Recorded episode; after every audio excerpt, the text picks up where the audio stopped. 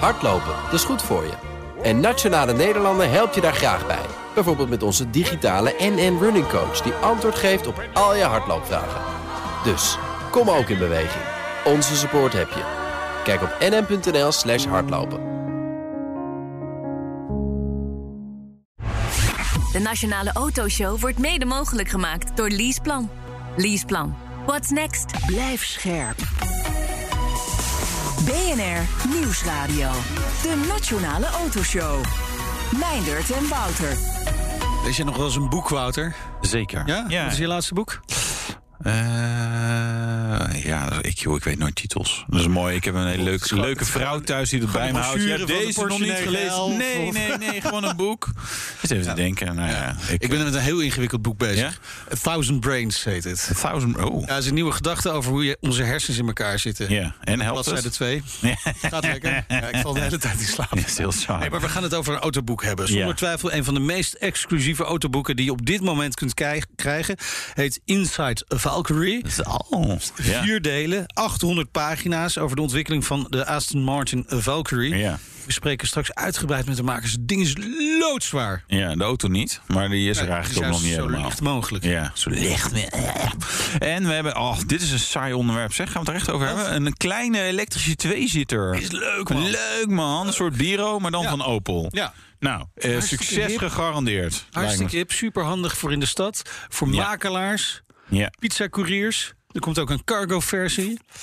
pizza courier is volgens mij niet handig. Nee. En, en nee, Nou ja, nee je- ik geloof er niet in.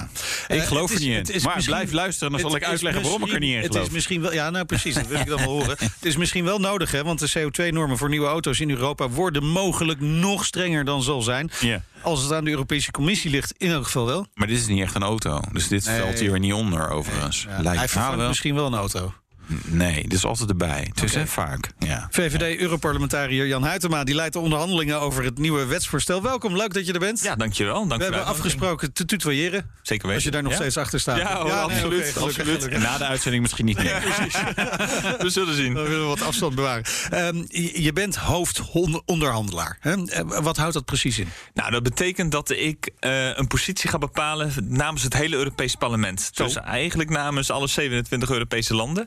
En ik zet dan de aanzet. Ik maak eigenlijk een rapport. En eh, ja, ik probeer dat op een goede manier de- eh, doorheen te loodsen. Dat is de, de, de eerste taak. En de tweede taak is dat ik ook moet onderhandelen namens het Europese parlement met de ministers van Klimaat Ja. op dit rapport.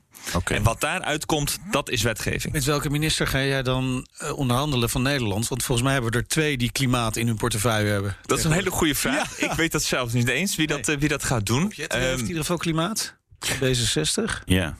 Maar, hoe het nu is, is dat Frankrijk die onderhandelingen gaat leiden dit half jaar. En het ja, half jaar na de zomer zal het Ja, de minister je zijn van Tsjechië. Hoe is Niet zo heel goed. Nee, Mijn Duits is uitstekend. En, en Tsjechisch is nog slechter. Mijn Engels ook goed. Ja. Maar mijn Tsjechisch is nog slechter. Ja. Waarom hebben ze voor jou, CQ Nederlander, gekozen? Nou, heel eerlijk, omdat ik al wat langer in het Europese parlement zit. En gewoon simpelweg aan de beurt was. En eh, ja, gewoon goed werk geleverd heb. Ja. En misschien je ook het zelf? Al zeg ik het speel, zeg, zelf.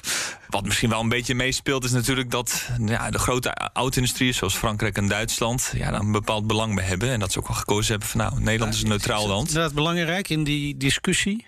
Dat er een beetje neutraliteit erin zit. Kijk, wat, wat, wat wel is, is dat de autolobby gewoon heel veel invloed heeft in, Ja. in Brussel. En eh, dat vaak autowetgevingen ja, best wel politiek symbolisch zijn en ook wel een beetje gevoelig liggen. Soms een beetje polariserend. Dus eh, om het nog een beetje onbescheiden te zeggen, gewoon, je hebt gewoon een goede man nodig, een sterke man nodig die, eh, die de onderhandelingen leidt. Kijk, nou, eh, dat belooft wat. Hè? Eh, maar als je een verzinnig voorstel eh, eh, moet doen... dan moet je wel verdiepen in, in de materie. Hè? Hoe doe je dat? Is hij hier? Dan, ja, hier, zal je even opvoeden. Ja, nee, heel goed. Dit is heel belangrijk. Maar je moet niet achter je bureau blijven in Brussel. Hè? Nee. Dus je moet het veld in. Dus eh, je moet met alle stakeholders die er iets mee te maken hebben, moet je gaan praten. Dat zijn de automobilisten, hè, via de consumentenorganisaties.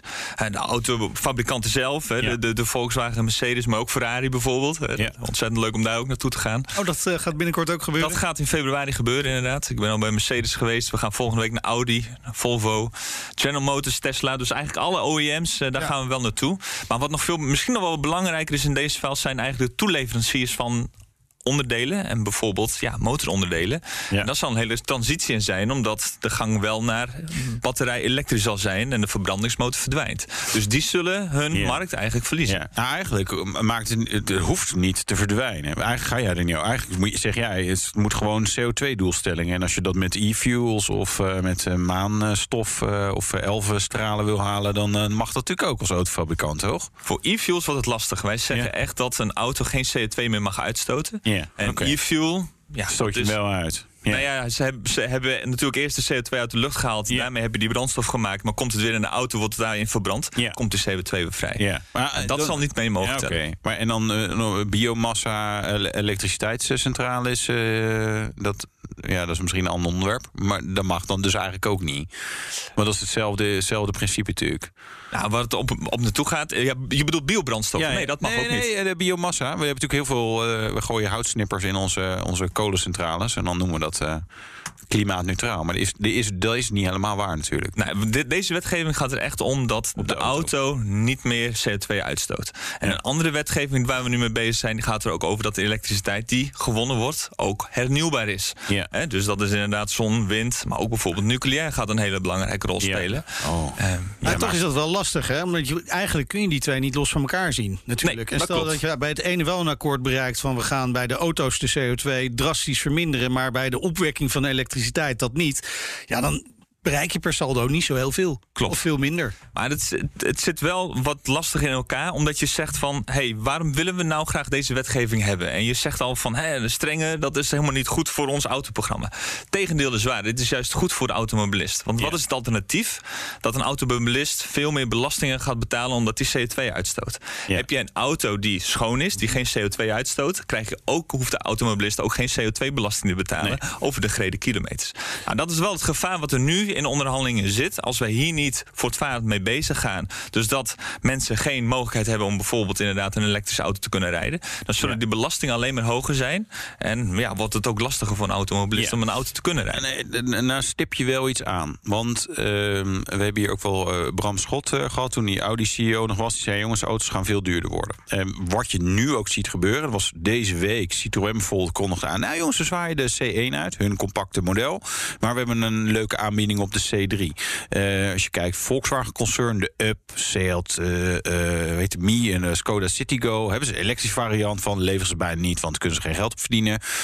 De benzineversies verdwenen. Dus de kleine, nieuwe kleine auto verdwijnt. De auto's worden zeg maar groter. Nou, en dan eh, zeg jij, ja, dan moet je een elektrische. Nou ja, die, die zijn zeg maar factor drie even duurder dan ooit een kleine benzineauto was. Dus je ziet wel, ja, ik, ik noem wel eens maar, autorijden wordt straks weer voor de elite. Want ja, het is eh, ja, een nieuwe auto, dat wordt ja, 30, 40.000 euro. Precies, precies. En om dat te voorkomen, en dat klinkt tegenstrijdig, Nou, proberen, nogal, we, maar proberen, we, vooral uit. proberen we juist eh, aan te zetten dat er veel meer op elektrisch ingezet wordt. Dus inderdaad dat ja, in 2035 alle nieuwe auto's geen ja, emissie meer hebben, dus eigenlijk feitelijk elektrisch zijn. Ja. Om er maar voor te zorgen dat er zo snel mogelijk veel meer modellen op de markt komen. En dat ja, er ook veel meer ontwikkelingen en innovaties zijn die die prijs van die auto's naar beneden gaat. Ja. Dat niet alleen, maar we willen ook dat er zo snel mogelijk een tweedehandsmarkt gecreëerd wordt. Want die is er nu helemaal niet. Nee. Ehm tweederde van de nieuwe verkochte auto's, dat zijn toch de leasewagens. En het is nu al goedkoper om elektrisch te rijden dan met brandstof en eh, met, eh, met, eh, met diesel en, en benzine. Zelfs met die hoge aanschafkosten. Ja, dit langzaam. ik, dit rekensommetje voor dit jaar alweer gemaakt. In Nederland, moi. Eigenlijk is die, wordt hij weer.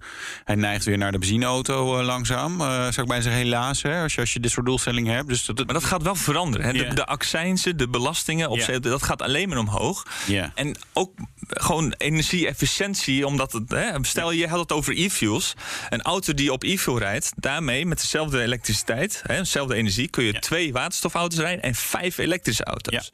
Dus het is niet, het is vijf keer eh, ehm, energie-efficiënt en daarmee feitelijk eigenlijk ook vijf keer kosteneffectiever. En bij- daarbij ook dat een auto, een elektrische auto, veel minder draaiende onderdelen heeft, en lagere onderhoudskosten. Ja. al dat bij elkaar op hè, zijn de total cost of ownership hè, voor een elektrische auto auto nu al gunstiger. En wij zeggen van voor de consument is die hoge aanschafwaarde nog altijd een hele grote barrière. Ja. ja. zet alle ontwikkeling daarop in dat dat naar beneden gaat en dat er ook snel een tweedehandsmarkt komt. Overigens, Want die, ik zou die, die onderhoudskosten, dat is nog de vraag. Hè? Dat is echt nog wel een beetje toekomst kijken. Ja, we het, moeten het is Jan, logisch Jan, wat je, je zegt. Jan maar- een paar linkjes eh, gaan Ja, nee, nou ja, ik zou zeggen, ga in ieder geval even met eh Wesp praten. Die hebben hier een keertje Kijk, heel eh, erg duidelijk gemaakt... wat nu de kosten zijn in de garage van elektrische auto's... batterij-elektrische auto's en auto's met een verbrandingsmotor. Dat scheelt op dit moment in elk geval nog niet zoveel. Kan best zijn dat dat in de toekomst verandert, maar op dit moment... Zijn de cijfers in elk geval eh, op die manier. Ehm, even eh, eh, over goedkope elektrische auto's. Er zijn er natuurlijk wel. Dacia Spring. Wouter. Ja, nou ja, ja, klopt. Maar Ja. het is niet een auto waarmee je kan zeggen... oh, daar kan ik lekker mee op vakantie. Terwijl ik dat in een C1 of een Igo... waar Toyota komt overigens wel met een nieuwe Igo... of met een Volkswagen Up, ja, dan kan je dat wel. Sterker nog, nou, die doet dat gewoon in zijn Volkswagen Up. Die rijdt s- heel Europa door. En met, met zeg maar, de echt goedkope kleine elektrische auto's... ja, dat is, dat is gewoon, ja, alles is te doen als je maar tijd ervoor hebt. Dat is zeker waar. Ja. eh, La- zullen we naar het plan gaan? het plan, is er een Ja, plan? want er ligt Plan. een voorstel op tafel voor het aanscherpen hè, van die CO2-normen. Eh, kun je uit de doeken doen wat het voorstel is? Nou, het belangrijkste is dat in 2035 alle nieuw verkochte auto's in de Europese Unie dat die geen emissie meer hebben. En dat is feitelijk of een of waterstofauto of een eh, batterij-elektrische auto. Ja, dus water mag er wel uitkomen, maar CO2 niet. Klopt, klopt. En dan, nou ja, dan herhaal ik mezelf. Maar dat Ja. is vooral om te voorkomen dat een automobilist belasting moet gaan betalen. Er is Ja. een voorstel nu ook in Europa, een CO2-belasting voor Ja. eh, brandstoffen. Ja, dus bij elk gereden kilometer moet je dan een Europese CO2-belasting betalen. Als je een elektrische auto hebt, hoef je dat natuurlijk niet. Nee. Ja, maar ik, ik trigger toch nog wel op. op ik bedoel, ja, feitelijk zou je moeten sturen, maar je moet klimaatneutraal zijn. Ja, maakt het nou uit of er CO2 uit de uitlaat komt. Als die, ja, die, die is ooit ergens uit de lucht gehaald en die komt er dan in. Dus waarom, waarom hameren jullie zo, daar zo op? Nou, ook wel om duidelijkheid te scheppen. Hè? Dus dan een, een stip op de horizon. En wat we ook belangrijk is, een bepaalde urgentie van... hé hey jongens, we hebben die laadinfrastructuur voor die elektrische auto's wel ontzettend hard nodig. En Ja. vriend en vijand is er over eens. Het gaat ontzettend snel en het gaat naar batterij elektrisch. Eh, nou, ja, als je eh, e-fuels uitsluit. Eh, dan, dan, dan, ja, dan, dan blijft er niet zoveel over. Ja, waterstof. Ja, maar ik zei net al, hè, voor e-fuels, voor één auto die op e-fuel rijdt... Ja. kunnen vijf batterij-elektrische auto's rijden. Ja. Als jij bij alle OEM's ga- gaat kijken, hè, op bezoek gaat... Hè, bij de Volkswagen, General Motors, ook zelfs in Frankrijk... Iedereen is het over eens, het gaat naar elektrisch. Sommige merken, en ik denk bijna wel de meeste merken... ze hebben voor hun toekomst dat na 2030 ze geen eh, eh, verbrandingsmotor in hun portfolio hebben. Dus daar gaat het naartoe. Hè? Dus je kunt wel zeggen, voor misschien 5% laten we die ruimte... om te zeggen van, hé, we gaan het voor e-fuels mogelijk Ja, maken. Dat zou wel- kunnen. Het is wel grappig dat jij zegt, want ik bedoel, ik denk van ja, maar als wij heel hard geroepen dat we eh, vanaf 2030 alleen nog maar appels eh, mogen eten, ja, dan ga ik geen nieuwe bananenbomen planten. Of planten, weet ik, bananenplanten wat zijn? het? Zijn bomen? Nee, in ieder geval. Je snapt wat ik bedoel. Ja. Dus ja, op het moment dat je heel hard roept, ja, het moet gewoon elektrisch. Of oh ja, waterstof mag ook nog. Maar ja, er is eigenlijk geen, hè, dat, dat werkt nog niet. Ja, dan wordt dat de oplossing. Want Precies. je sluit het uit. Dus dat, dat, dat is een beetje. En tegenovergestelde, als je dat niet doet, dan blijft iedereen in zijn stoel hangen. En gaat die laadinfrastructuur, die komt er niet. En Ja. hebben- kunnen we ook geen oplossing vinden voor juist al die werknemers die hun baan. Wil ook. Nou, ik, wil even naar- ja, ik vind het prachtige discussies, maar we hebben het nog niet over de cijfers gehad. Wat betekent dit nou concreet uit dat voorstel? Hè? Want eh, de uitstoot van het wagenpark eh, van de autofabrikanten moet in 2030, eh, dat is nu het plan, hè, 55% verlaagd zijn die CO2-uitstoot. Maar het nieuwe plan, het nieuwe voorstel is 75% ten opzichte van 2019. Klopt. En dat heeft puur met te maken omdat de markt de politiek al aan het inhalen is. Hè. Dus de prognoses zijn al dat dat in 2030 ruim gehaald wordt. Dus om dan Dat toch zeggen die fabrikanten ook. Dat, ja, dat zeggen de, de fabrikanten ook. En net wat ik al zei, als je bij de bedrijfsbezoeken zijn... en de, de, de presentaties die ze geven... dat de meeste autofabrikanten al in 2030... Ja, geen, geen verbrandingsmotor meer op de markt zetten. Eh, nou zijn er nog wel, want 2030, ja, het is dichtbij, best wel acht jaar, maar duurt ook wel weer een tijdje. Er zijn ook nog twee tussenstappen tot 2030. Klopt. Welke zijn dat? 2027 en 2025. En hoeveel procent moet er dan vanaf? Dus in 2025 zit je op 25% minder. En in 2017 uit mijn hoofd 45. Eh, dus dat je een lineaire stap hebt eigenlijk naar ja, het uitfaseren van 2035. Ja. Waar alles op nul staat. En waar je dus inderdaad eh, ja, emissieloze auto's hebt. En, en, en dan gaan we dus naar die, die 75% reductie in 2030. 2030. Uh, het blijft een beetje hangen waarom die aanscherping nog verder nodig is. De afspraak is al 55% in 2030. Kunnen al die fabrikanten dat aan naar die 75? Dat verwacht ik wel. Uh, in ieder geval wat ja, de, de, impact assessments die ervoor liggen, dat dat, dat dat zeker kan. En wat ik net zei, van dat eigenlijk de markt de politiek al ingehaald heeft. Hè? Dus dat die hè, de, de, de, prognoses of de, de, de, de, de presentaties die wij krijgen, dat bijna elke autofabrikant het doet. Maar, maar, wat veel belangrijker is. Omdat ik vind dit wel een belangrijk punt. En ik ga nu dezelfde vraag even aan Wouter stellen. Kunnen al die fabrikanten dat aan? Uh, kijk, wat je ziet is dat uh, autofabrikanten gaan gewoon sommige modellen flikkeren ze oh, gewoon uit hun line-up, omdat het niet meer aan kan. Uh, Volvo had een V40 kleine auto, zit nu op XC40, veel uh, maat groot. Die is er dan toevallig elektrisch. Je ziet de kleintjes gaan verdwijnen en die gaan ook gewoon niet meer terugkomen. Dus een betaalbare nieuwe auto voor zeg maar Jan met de pet, om het zo maar te zeggen. En die, geen belediging naar, naar Jan en andere Jan. maar ja, die, nee, die, dat is gewoon weg. Uh, en je ziet ook feitelijk in Nederland lopen we voorop. Uh, met elektrificeren van het wagenpark. En je ziet ook precies wat er dan zeg maar, bij uh, de rest van de mensen die niet elektrisch rijden gebeurt. Die gaan massaal, zeg maar, tweedehands, Duitsland, Frankrijk, ja. Italië. Maakt niet uit waar ze vandaan komen. Als ik maar nog een, een, een betaalbare auto uh, ja, met verbrandingsmotor kan kopen. Maar, maar, wat wel interessant is natuurlijk, dat is nu al gaande. Hè? Dat hebben wij met wetgeving, sturen wij daar nu helemaal niet in.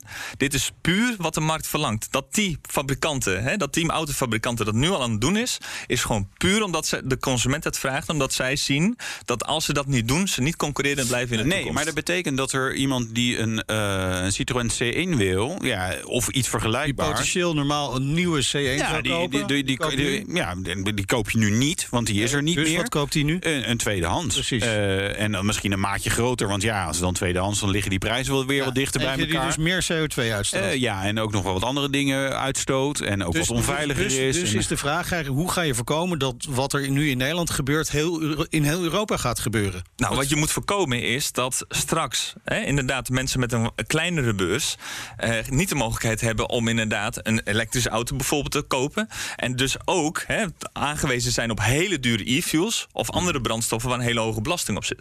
Dus daarom zeggen wij, zet hier nou op in. En de markt is, gaat daar al naartoe. Uh, uh, dat er meer modellen zijn hè, die uh, in, in bereik zijn van, van mensen die een kleinere beurs hebben. Dat die, en dat die tweedehandsmarkt dus zo snel mogelijk is. Ja. Als we nu niks gaan doen, ja, ja, maar die tweedehandsmarkt, is, dat is wel een hele interessante. Hè? Want de auto die, die gaat zeg maar, in Nederland uh, nou ja, tien, gemiddeld tien jaar oud uh, en wordt steeds ouder. Ehm, en als je nu kijkt, zeg maar, nieuw verkopen, is Nederland loopt voorop hè, qua elektrisch. Maar je, het is nog steeds maar een fractie. Er wordt nog steeds meer benzineauto's verkocht dan elektrische auto's. Dus ja, de ontwikkeling gaat de goede kant op. Hè? maar tweedehandsmarkt, oeh, nou, zo massaal gaan we ze niet zeg maar, over vijf jaar hebben. Want er worden nu gewoon nog heel veel benzineauto's verkocht. Als je ook met, met de fabrikanten spreekt, ik neem aan dat jullie dat ook doen. Zij zeggen: morgen kunnen wij alle auto's die wij produceren, kunnen wij elektrisch maken. Eén bezwaar dat wij zien is inderdaad de laadinfrastructuur. Wij zijn er heel erg bang voor dat we die auto's verkopen. Of niet verkopen, omdat de consument denkt van ja, ik kan ze nergens opladen of hoe moet ik dat straks gaan doen. Dat is een groot bottleneck. En als we hier nu zeggen van jongens, we laten het helemaal aan de markt over, we gaan hier niks doen, komt die laadinfrastructuur in de rest van in Nederland hebben het goed geregeld, in de rest van de even, in Europa. Wij, wij hebben ook gebeld met, met de koepelorganisatie, hè, ACA, uh, dus de koepelorganisatie voor Europese autofabrikanten. Die zegt met name ja, die tussenstappen 2025 en 2027, die zijn zijn gewoon te extreem. Maken zich inderdaad zorgen om de laadinfrastructuur. Dan hebben we nog de Europese koepelorganisatie voor uh, toeleveranciers, de CLEPA. Die zegt 55% in 2030 is al ontzettend ambitieus. Laat staan 75%. Die maken zich ook zorgen over de werkgelegenheid. Gaat gewoon ontzettend veel banen kosten. Nee, maar absoluut. Hè? Dat, dus dat, maar, maar, dat, dat... Ze, ze, hebben namelijk ook reacties gegeven. Hè? Jullie, jullie hebben uh, aanvragen tot aanpassingen gekregen. Hoeveel? 640 uh, abonnementen. 640 abonnementen. Uh, van, van wie?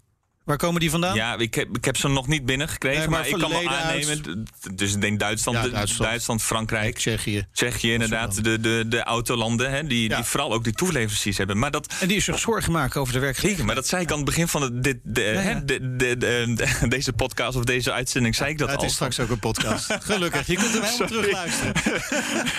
nee, maar daar maak ik mij ook ontzettend zorgen over. En, en wat er nou gaat gebeuren als we hier nu niks aan gaan doen. Dan loop je toch met je kop tegen een muur. Want deze transitie die wordt sowieso ingezet. Ja. Volgens mij zijn we daarover eens dat de toekomst toch echt wel elektrisch gaat zijn. Ook, nou, hier zijn, in ieder geval, met alle OEM's die, met wie ik spreek. Is het... ik, wel, wat ik er altijd over zeg, dat ik, het, ik vind het heel fascinerend. Uh, maar ik, ja, ik zou er niet op durven te wedden van oh, de toekomst gaat per se elektrisch zijn. Maar daar, daar hebben we nog een half uur voor nodig Precies, om maar, te discussiëren. Maar, maar, maar, maar, dat er dingen gebeuren en dat het schoner en, en duurzamer wordt, ja, eens. Uh, maar hoe je daar komt en of het zo makkelijk is om dat op deze manier voor elkaar te krijgen, denk ik, nou, dat is nog best een uitdaging. Maar om een punt hier te maken is, wij moeten hier duidelijkheid in scheppen. Dus als we nu niks doen en geen duidelijkheid hebben, dan lopen inderdaad die bedrijven gewoon keihard tegen de muur aan. Als we nu zeggen van hé, hey, wij hebben een duidelijk traject, daar gaat het naartoe, dan kunnen wij vanuit de Europese Unie die bedrijven en ook die mensen juist helpen. Technisch personeel is gewoon keihard nodig, ook in de toekomst. Maar ze zitten misschien op de verkeerde plek. Inzet is nu 75% reductie. Daar valt over te onderhandelen? Valt overal om te... Oh, ik blijf koopman, ik blijf een Nederlander. Je bent net een auto verkopen. precies. Wanneer komt dan het eindvoorstel? Uh, dat denk ik dat dat volgend jaar kerst uh, zal zijn. Ah, kerst. Ja. Nou, dat, tegen die of tijd de, ja, elkaar kerst, deze kerst dan. Deze, ja, ja, kerst. Oké, okay. goed. Nou, dan uh, praten we tegen die tijd ongetwijfeld weer. Dankjewel voor het uh, komen. dank Jan Huytema, VVD, Europarlementariër, hoofdonderhandelaar voor het wetsvoorstel voor CO2-normen van de nieuwe auto's. Wij gaan dit absoluut volgen, Wouter. Ja, precies, ja. De Nationale Autoshow. Opel brengt binnenkort de Rocks E op de Nederlandse markt. Bijzonder voertuigje. Uh, we praten even met uh, Jeroen Maas, tenminste dat hebben we gedaan, van Opel Nederland. En die mag uitleggen wat dit nou eigenlijk is. Het is een uh, compacte en een duurzame, want elektrische vierwieler. die gereden kan worden van, door bestuurders vanaf 16 jaar elektrisch. Batterij is in 3,5 uur uh, op te laden met 75 kilometer actieradius. Topsnelheid van 45 kilometer per uur. Nou, kan nog wel even doorgaan. In elk geval heel compact, eigenzinnig en, uh, en praktisch uh, voertuig. Ja man. Ja, man. Voor mijn zoon over twee jaar kan hij alvast leren auto rijden. Ja. Hartstikke handig. 10.000 euro. Ik denk ex-belastingen nog deze. dus dus maar even 12 miljoen. door uh, route ja. naar... Uh, dus jij gaat er echt voor uh, die, dat die bitcoins... Ja, weet je, dit is de Biro, maar dan ja. van Opel. Ja. ja. dus er is zeker markt voor dit soort voertuigen. En die is heel klein, want het is best prijzig. Ja, maar en... de Biro is een stuk duurder, hè? Is, wat is het, twee keer zo duur? Nee, al 15 mil. 15 mil? Deze is 10. En er zijn wel onder de 10 gaat deze. Nee, deze wordt... Ja, deze is onder in Duitsland is deze 7.500. Ja, omdat daar zit er weer een umweltpremie eh, op. Uh, dus uh, ik, ik denk in Nederland gewoon 12. Let maar, mark maar words. En hoeveel gaan we er verkopen? Nou, er zijn drie Opel dealers okay. die er wel één doen. Nee, ik, ja, ik... Het, is, het is natuurlijk echt voor de steden. Hè? En dat ja. zegt Opel ook. Elektrische tweezitter voor de steden. Steeds drukker wordt het in de stad. En de uitstoot, ja, daar gaat hij Jan. Hij moet omlaag. Het is natuurlijk iets heel nieuws. Dus, uh, dus het is heel lastig om, uh, om uh, concrete verwachtingen uit te spreken. Wij denken wel dat het dat aansluit bij de huidige tijdsgeest. En dat, en dat een alternatief als dit, hè, die concurreert met scooters, fietsen, vergelijkbare citycars, maar ook met het OV bijvoorbeeld. Wij denken echt wel dat, dat dit een, een markt, markt biedt. Het is, het is eigenlijk ook een perfecte brug tussen bijvoorbeeld een scooter en een persoon auto. Hè? Dus het is een, echt een nieuw alternatief. Wat, uh, wat, geel, wat veel uh, klanditie zou kunnen opleveren. Maar dat gaan we zien. Ja, we gaan het zien, Wouter. Jij gelooft er niet in? Nee. Nou, ik geloof wel dat er markt is. Amsterdam-Zuid bijvoorbeeld. Hele grote markt. Nee, maar alles, nou, alles buiten de grote stad zo kansloos. natuurlijk dat als je nog even drank of sigaretten moest halen... en het regent, dan ging je met dat karretje. Ja. Tegenwoordig bel je gewoon Getir of Fliek. Binnen 10 minuten staat het op, Precies. je, op je stoep. Ja. Dat is geen punt meer. Nee, ja, weet je, het is heel duur. Je moet de ruimte ervoor hebben om hem te stallen. Uh, en vervolgens kan je er niet mee, zeg maar... als oma in Hoofddorp woont, die woont in Amsterdam... dan ga je daar eigenlijk niet mee toe, want dan is het te langzaam. Goed, wat gaan we zo meteen doen in de autoshow? Ja, die Aston Martin Valkyrie. Niks elektrisch, maar gewoon lekker herrie. Lekker veel CO2. Weet je wat lekker is van CO2? Planten groeien erop. En dat zorgt voor een aangenaam klimaat op aarde. Gewoon wat warmer. We hoeven niet naar de zon te vliegen. Ja, ja, ja. We hier gewoon Luister in Zandvoort aan het strand. hebben we gewoon een lekkere zomer. BNR Nieuwsradio. De Nationale Autoshow. Meindert en Wouter. Vijf jaar lang volgen de makers van de Belgische boekenreeks WAFT de ontwikkeling van de Aston Martin Valkyrie. Een hypercar die in samenwerking met Red Bull Racing, het team van Max Verstappen. Ja, goed dat je er even bij bent. Ja, die toen nog ook uh, Aston Martin waren. Ja, nu uh, Honda. Maar dus samen met Red Bull Racing gemaakt. Ja, en het levert een uh, vierdelig boek op met totaal net 800... niet een boek per jaar dus. Nee, ja, dat is lullig. Ja. Ze moeten er nog eentje bij maken. Ja. 800 pagina's totaal. Bijzonder onthullend kijkje in de autowereld... waarin twee vooraanstaande merken elkaar tot het uiterste drijven... in de ontwikkeling van een krankzinnige auto. Toch? Ja, vind je dat? Eh, Ja, dat weet, ja, weet je, ik, eh, ik ben ook een beetje afgehaakt. Er zijn een aantal van dit soort auto's, maar AMG heeft er ook één. Aangekondigd, nou, er komt iets. En, eh, en dat duurt dan echt verschrikkelijk lang tot het daadwerkelijk Ja. komt. En de Valkyrie is er ook, ja... Ja, het boek is er. dit boek- we hebben een boek. Ja. Nou, we hebben in ieder geval, hij heeft in ieder geval een leuk boek Ja, opgeleverd. precies. En de makers van de, het Ja. boek zijn te gast. De makers van WAFT, Bart Leenaerts en Lies de Mol. Welkom. Dankjewel. Hallo. Leuk dat jullie er weer eens zijn. Het is een tijdje geleden. Eh, Bart, even met jou beginnen. Jullie hebben bijzondere boeken gemaakt in het verleden. Dank je.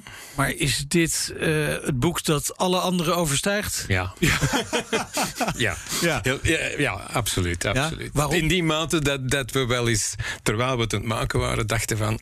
zijn we onszelf niet klem aan het zetten, want wat komt hierna? Gaan we ons hierna nog voor iets anders kunnen, kunnen opladen? Ondertussen zijn we al aan iets nieuw bezig. Oh, gelukkig. Dus, dus dat valt dan weer wel mee. Maar nee, het was wel, het was wel heel bijzonder. Ja. Ja. ja, wat Wouter net zei, klopt wel een beetje. Het is, het is ja, een krankzinnig project. Ja, dat boek ook. Het boek ook. Ja. Maar het boek ook, dank je. Maar de auto ook. Het is, Ja. het is, het is ah, weet je, in de geschiedenis zijn er zo'n aantal dingen. De Ferrari 250 GTO, McLaren F1. eh, Echte iconen. Die, dit is er ook eentje. Ja. Ah, hier gaan we binnen 30, 40 jaar nog steeds wel over spreken. Van.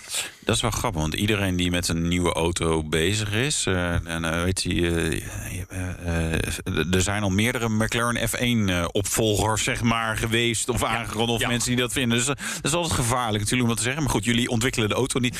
Dat maar- klopt, maar ik, wat, wat, wat voor de Aston Martin spreekt, is dat de McLaren-designers, het is voornamelijk degene die de Speedtail heeft ontworpen, heeft gezegd: ja, dit- de Aston Martin is de opvolger van de F1 Ja. en niet onze Speedtail. Nee. Nee, ja, maar dat snap ik ook wel. Maar die speedtail vind ik dan wel, dat is wel grappig. Want ik laatst hebben we even in verdiept in auto's met hele hoge topsnelheid. Komt die ook voorbij? En dan denk ik, ja, ik vind dat wel weer grappig dat ze bijna met één doel een soort auto hebben gedaan. klopt. Maar we kunnen, leuk, we kunnen over dit soort kunnen we ook een, eh, kunnen we een half uur vullen. Hebben we het helemaal nog niet over het boek gehad. Terwijl we, jullie hebben Vijf jaar. Ja, ja, een boek. Eh, ehm, hoe kom je ertoe om zo'n boek te gaan maken? Want ja, iedereen wist, oké, er komt een auto aan. Maar, maar hoe, hoe kwam je tot Lang, lang verhaal kort. Ik heb altijd al wel eens, of we tenminste hebben altijd al wel eens een boek willen maken over de ontwikkeling van een auto. Omdat het is onze mening dat heel weinig mensen beseffen hoeveel, hoeveel kunde en, en hoe complex het is, hoeveel kunde erin zit. Ja. En eigenlijk dachten wij altijd, het is zo'n Opel Astra of, of Golf of weet ik veel wat. En ik had ook tegen heel veel mensen gezegd. En uiteraard gebeurt dat nooit, want die hebben te veel commerciële belangen in, en PR-afdelingen. En, eh, maar bon, het is dit geworden wat veel leuker is. Oké, het is een heel bijzondere auto die niet iedereen gaat kopen, maar ehm, omdat het zo bijzonder was, begreep Aston ook wel dat het in hun voordeel was om zo'n boek te maken. Dus de vraag kwam van hen. Oké. Van hen uit. Ehm, en we waren er al heel vroeg bij betrokken. Toen niemand anders nog al wist dat men dat ging doen. En hun hoofdmotief was ehm, mensen die die auto, de auto was uitverkocht voor haar bestond. Zij beseften van dat gaat lang duren voor die mensen hun iets zien voor hun geld. We moeten iets geven. En meestal krijgen die dan een of ander eh postuurken of, of, of, of, of, of een bloemetje. En zij wilden iets fundamentelers. En ze beseften ook wel dat, dat eh, het verhaal zo uniek ging zijn toen al, dat het eigenlijk wel moest Ja. eh, een verslag van gemaakt Oké, maar zo ontstaat het idee. Maar Ja. Lies, hè, dan, dan kom je dus bij allemaal mensen die alleen maar met die auto bezig zijn, waarschijnlijk. Bijna, bijna eh, volkomen met hun gedachten bij die auto en hoe ze dat allemaal. want Ik heb een beetje zitten bladeren. Ik weet wel een beetje hoe die auto is ontstaan. Eh, gewoon tot in de details zijn ze bezig. En dan komen er twee van die mensen komen er een beetje meekijken. Is dat lastig? Ja, we hebben wel heel erg geprobeerd om altijd als een vlieg aan de, aan de wand te zijn. Hè. We hebben niet in de weg gelopen. Nee. Dus eh, ik denk niet dat ze heel veel last hebben gehad van ons. En we hebben toch ook wel gemerkt dat het voor hen, want het was een lang en soms ook frustrerend project. Het is een beetje de processie van Echternacht. Twee stapjes vooruit, eentje naar achter. En soms waren wij een beetje de klaagmuur ook.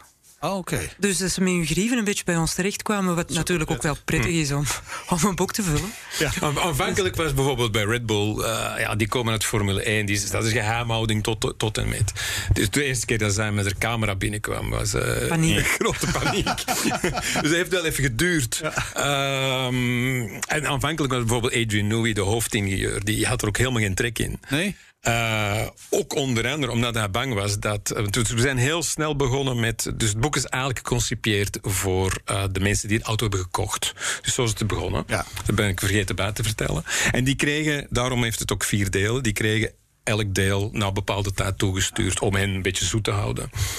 En um, Adrian was, was doodsbang dat iemand ermee naar Ferrari zou gaan. Ja, want hij is de bekende ontwerper van Ja, Red ja, Bull Racing. ja. Hij heeft eigenlijk de auto waar Max Exact, exact. wereldkampioen mee is geworden, heeft hij ontworpen. En in Formule 1 is ja, je ziet het, zelfs tijdens een pitstops uh, hangen ze al gordijntjes voor hun. En in deze auto zit dus heel veel van die techniek die Echt ook wel. in... Echt wel. Het is een beetje een, een, 1 een dooddoener in de auto-industrie van Ja. Formule, te- te- Ja. Formule 1 Ja, ik ben technologie the turf, road. hè? Opvolger van de eh, McLaren F1, dat is de eerste. En eh, dit, is- dit Strike 2. Hè? Ja, Zeg maar, iedereen zegt dat. 1 techniek. Ferrari zegt, dat, Ferrari zegt al derde. 40 jaar, het is. Formule 1 techniek voor de... Dit is het echt wel. Dit is echt wel. eh, waarom? Een aantal, een aantal Ja, ik eh, zeggen, redenen. Maar ja. Ehm, ten eerste, uitgezonderd drie onderdelen.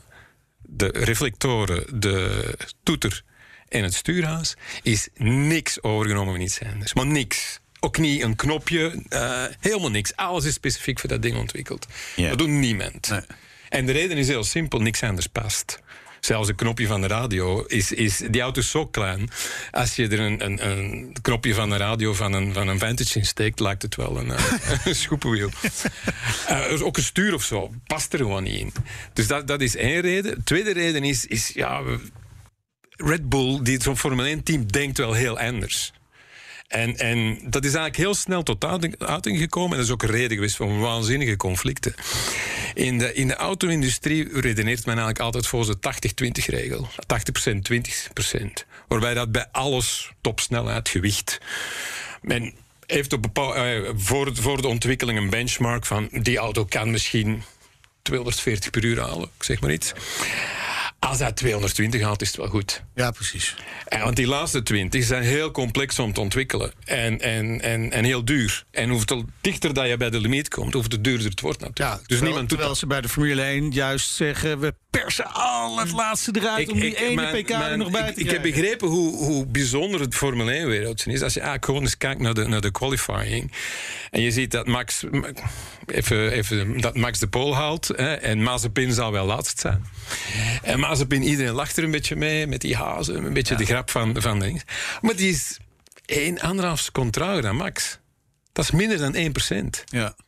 Dus in Formule 1 is minder dan 1% het verschil tussen de koning van de wereld zijn en, en, en de grap.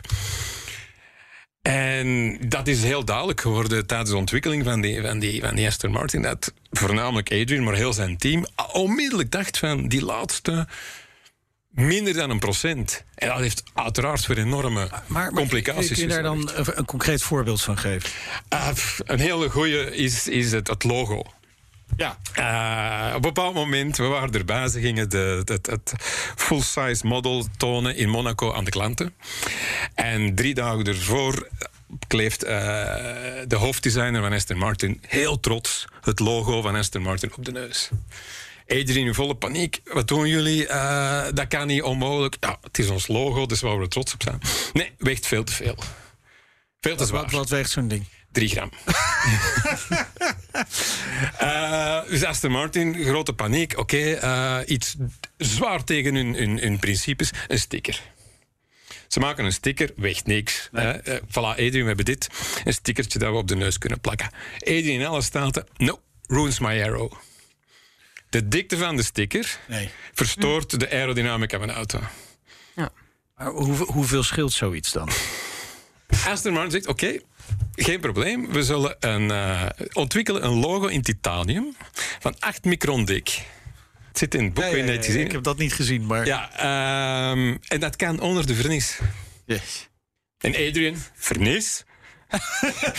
Kan je mijn auto vernissen? Drie kilo vernis? Denk ik niet. Dat is één voorbeeld. Dus op een bepaald moment hebben ze voor de versnellingsbak... was er een, um, een bout, een M16 was te licht. Was niet sterk genoeg. Nee. En een M18 een beetje te zwaar. Dus hebben ze een M17 ontwikkeld. Speciaal voor die auto. Alleen voor die versnelling. voor die auto. Ja. Ongelooflijk. En zo is het overal, met alles. Met alles.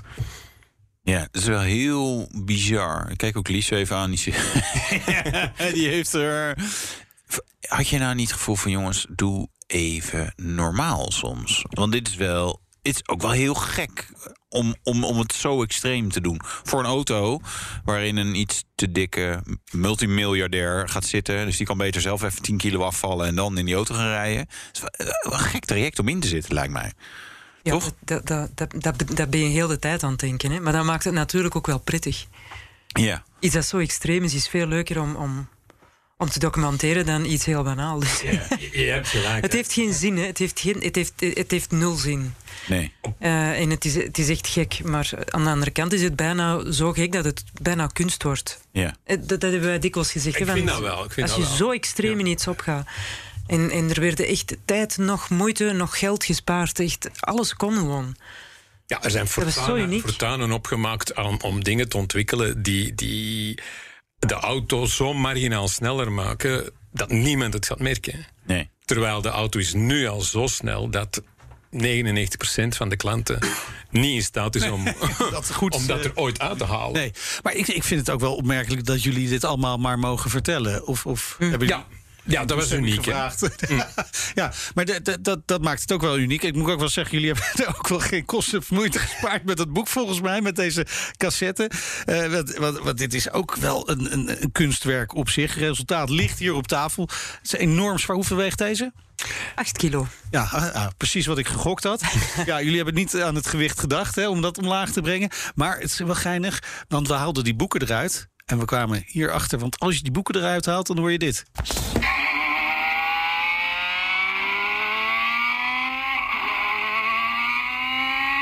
dat is dus gewoon het, het geluid. Dan in een heel klein kaartje, denk ik, van de Valkyrie, toch? 11.000 toer per minuut. Ja. Hoe kom je hierop? Had je toevallig een aanzichtkaart gekregen die je openklapt? Hé, hey, dat is lachen. Dat gaan we doen. Het was andersom, maar we hebben uiteindelijk wel een beetje dat idee gebruikt. Het is wel ja, hetzelfde principe, hè? maar we hebben het, een we hebben het verdoken. Dus het, is, eh, het leuke is dat je niet weet dat het gaat gebeuren. Het zit helemaal verdoken, je ziet het niet zitten. Dus als je het boek eruit haalt, dan gebeurt het gewoon. En we hebben het ook nergens gecommuniceerd. Dus heel veel klanten zijn waarschijnlijk geschrokken. Ja, ja nee, maar wij, wij schrokken ook een beetje. We hadden het helemaal niet door. Wat gebeurt er nou? We dachten dat iemands telefoon afging of zo. Maar het is ook niet zo dat het elke keer is als je boek 1 eruit haalt. Het is de ene keer als je boek 1, er- dan bij 2, dan bij 3. Het is wel geestig bedacht. Ja, dankjewel. Ja, Ja, het, het klonk zo geweldig. Toen we de eerste keer die motor hoorden, dachten we, daar Ja. moeten we iets mee doen. ja even het geluid dat Aston Martin zelf naar buiten heeft gebracht. Dat hebben we ook.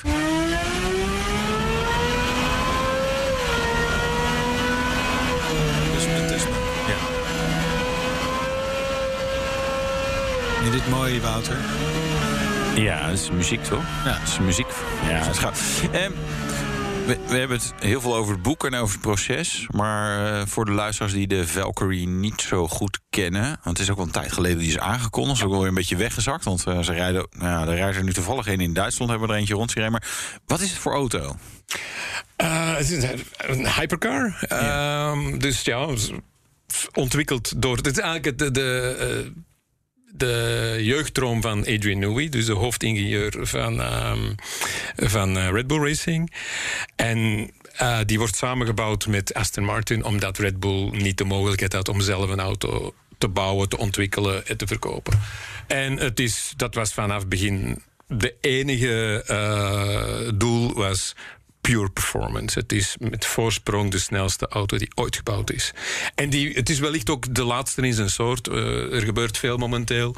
Dus dat is iedereen zijn stille droom dat het ook de laatste of de snelste zal blijven. Ja, Mm. ja en extreem veel Formule 1 techniek daar. Extreem veel Formule 1 techniek. Ehm, niet 100%, want hij wilde wel dat het een, ook een heel plezierige auto was. Bijvoorbeeld die motor, die V12, dus een 6,5 liter.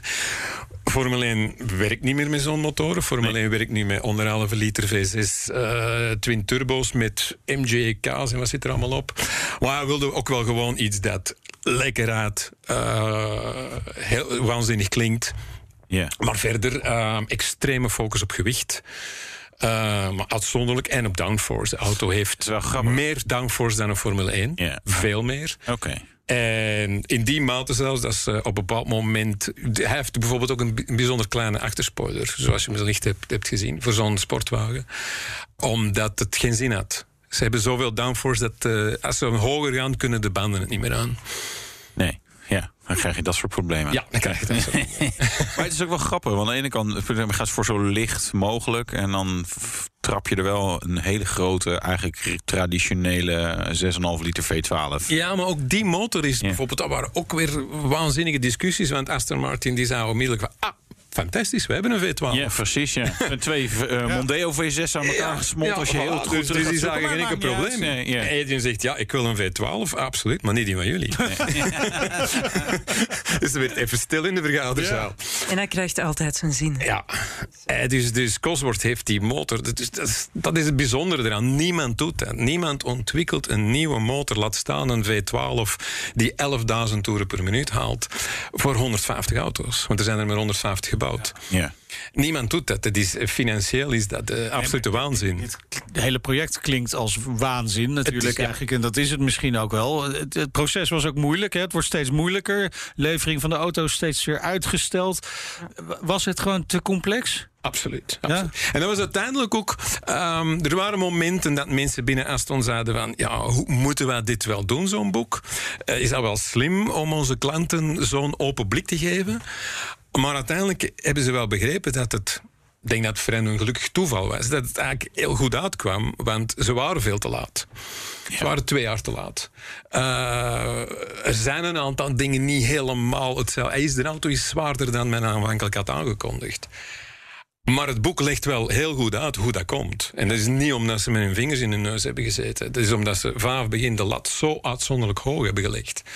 Dat er een aantal dingen zijn tegengevallen.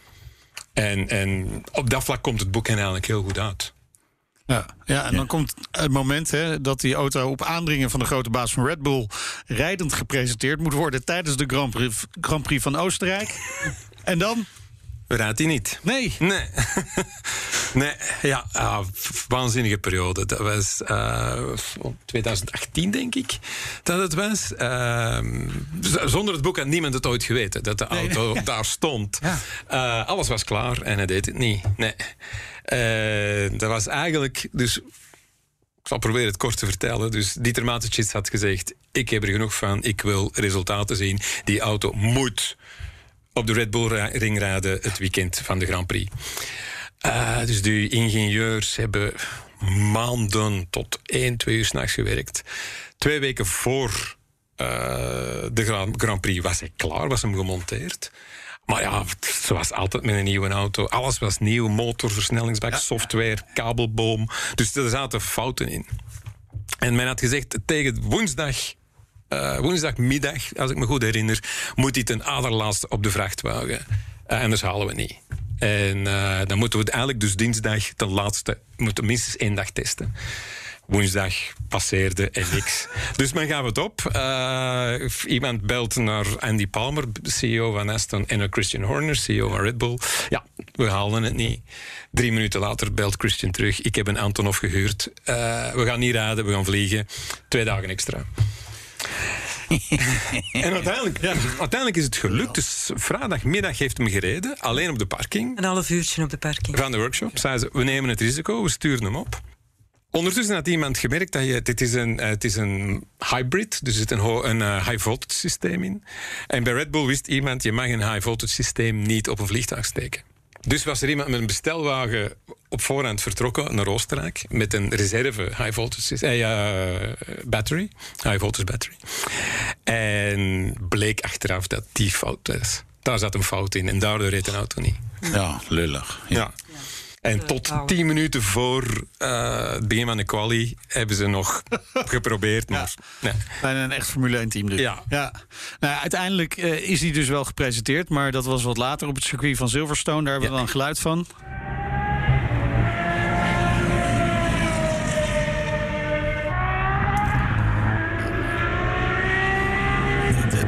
Staat echt vol met anekdotes. Hè. De, de vier boeken eigenlijk, de vier delen. Uh, jullie spreken bijna alle hoofdrolspelers van die ontwikkeling van de Valkyrie. Uh, je, je, zei al, de, de kopers van de Valkyrie die krijgen dit boek gewoon gratis. Exact. Erbij. Nee, gratis. Zij krijgen eigenlijk zeven delen. Oh ja? ja? Er zijn nog drie delen. Er komen nog drie delen, ja. Het, het is eigenlijk anders. Zij betalen voor het boek en krijgen de auto erbij. Ja, ja precies. Ja. Want dat boek kost... Hun boek kost 2,5 miljoen. Ja. Dit kost 950 euro. Oeh, ja. ja. Ja. maar jullie zijn natuurlijk ook... Uh, je zou er twee jaar mee bezig zijn. En het werd uh, vier of vijf. Het is vijf, Het zal nog meer worden, ja. Ja, ah, okay. Maar van, van die auto worden er 150 gemaakt. Van het boek? 300. Oh, kijk. Ja. Kijk. Niet veel, hè? Nee, nee, het is ook gelimiteerd. Maar ik, ik, begrijp het toch. Er zijn ook nog uh, exemplaren beschikbaar? Ja. Nog een paar. Een paar? Ja. Ja, dat wordt vechten. het volgende project waar jullie al mee bezig, gaat het er overheen? Of wordt het juist heel iets anders? Het is anders. Anders.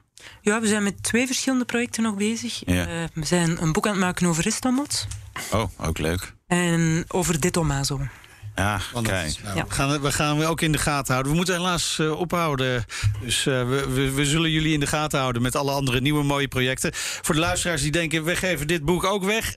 Helaas, dat gaat weer mee terug naar jullie, naar België. Excuses. Ja, het maakt niet uit. We kunnen niet altijd ja. prijzen weggeven. Uh, dank Bart Leenaerts en uh, Lies de Mol. Misschien even heel ja? plat commercieel. Tuurlijk. www.waft.be Precies. Nee, we houden ja. van platte commercie. Dus kom goed. Nee, en het is natuurlijk echt gaaf als je... Ja, voor liefhebbers van genres. Gewoon een het is heel bijzonder. Het is heel bijzonder. Ja. Ik ben, we zijn er heel trots op. Meer informatie ja. over Inside Valkyrie vind je ook op bnr.nl slash autoshow. Catalogus van Bonhams trouwens. Die hebben we vorige week verloot. Ja, die gaat naar Jan van Gilsen. Waarom? Ja, nou, geen idee. Nou, dat kan nou, hij, oh, ja. Ja. hij wil de catalogus graag hebben... omdat hij als ZZP'er een klote jaar achter de rug heeft gehad... en door het bekijken van al dat moois gewoon weer vrolijk wordt. Of nog depressiever, want hij denkt... na dit klootjaar kan ik dit allemaal niet meer betalen. Mooi boek. Nee. Zo mooi boek. Uh, veel plezier, Jan, uh, met uh, dat boek. En dit was de Nationale Autoshow. Terugluisteren kan via de site, de app, Apple Podcast, Spotify...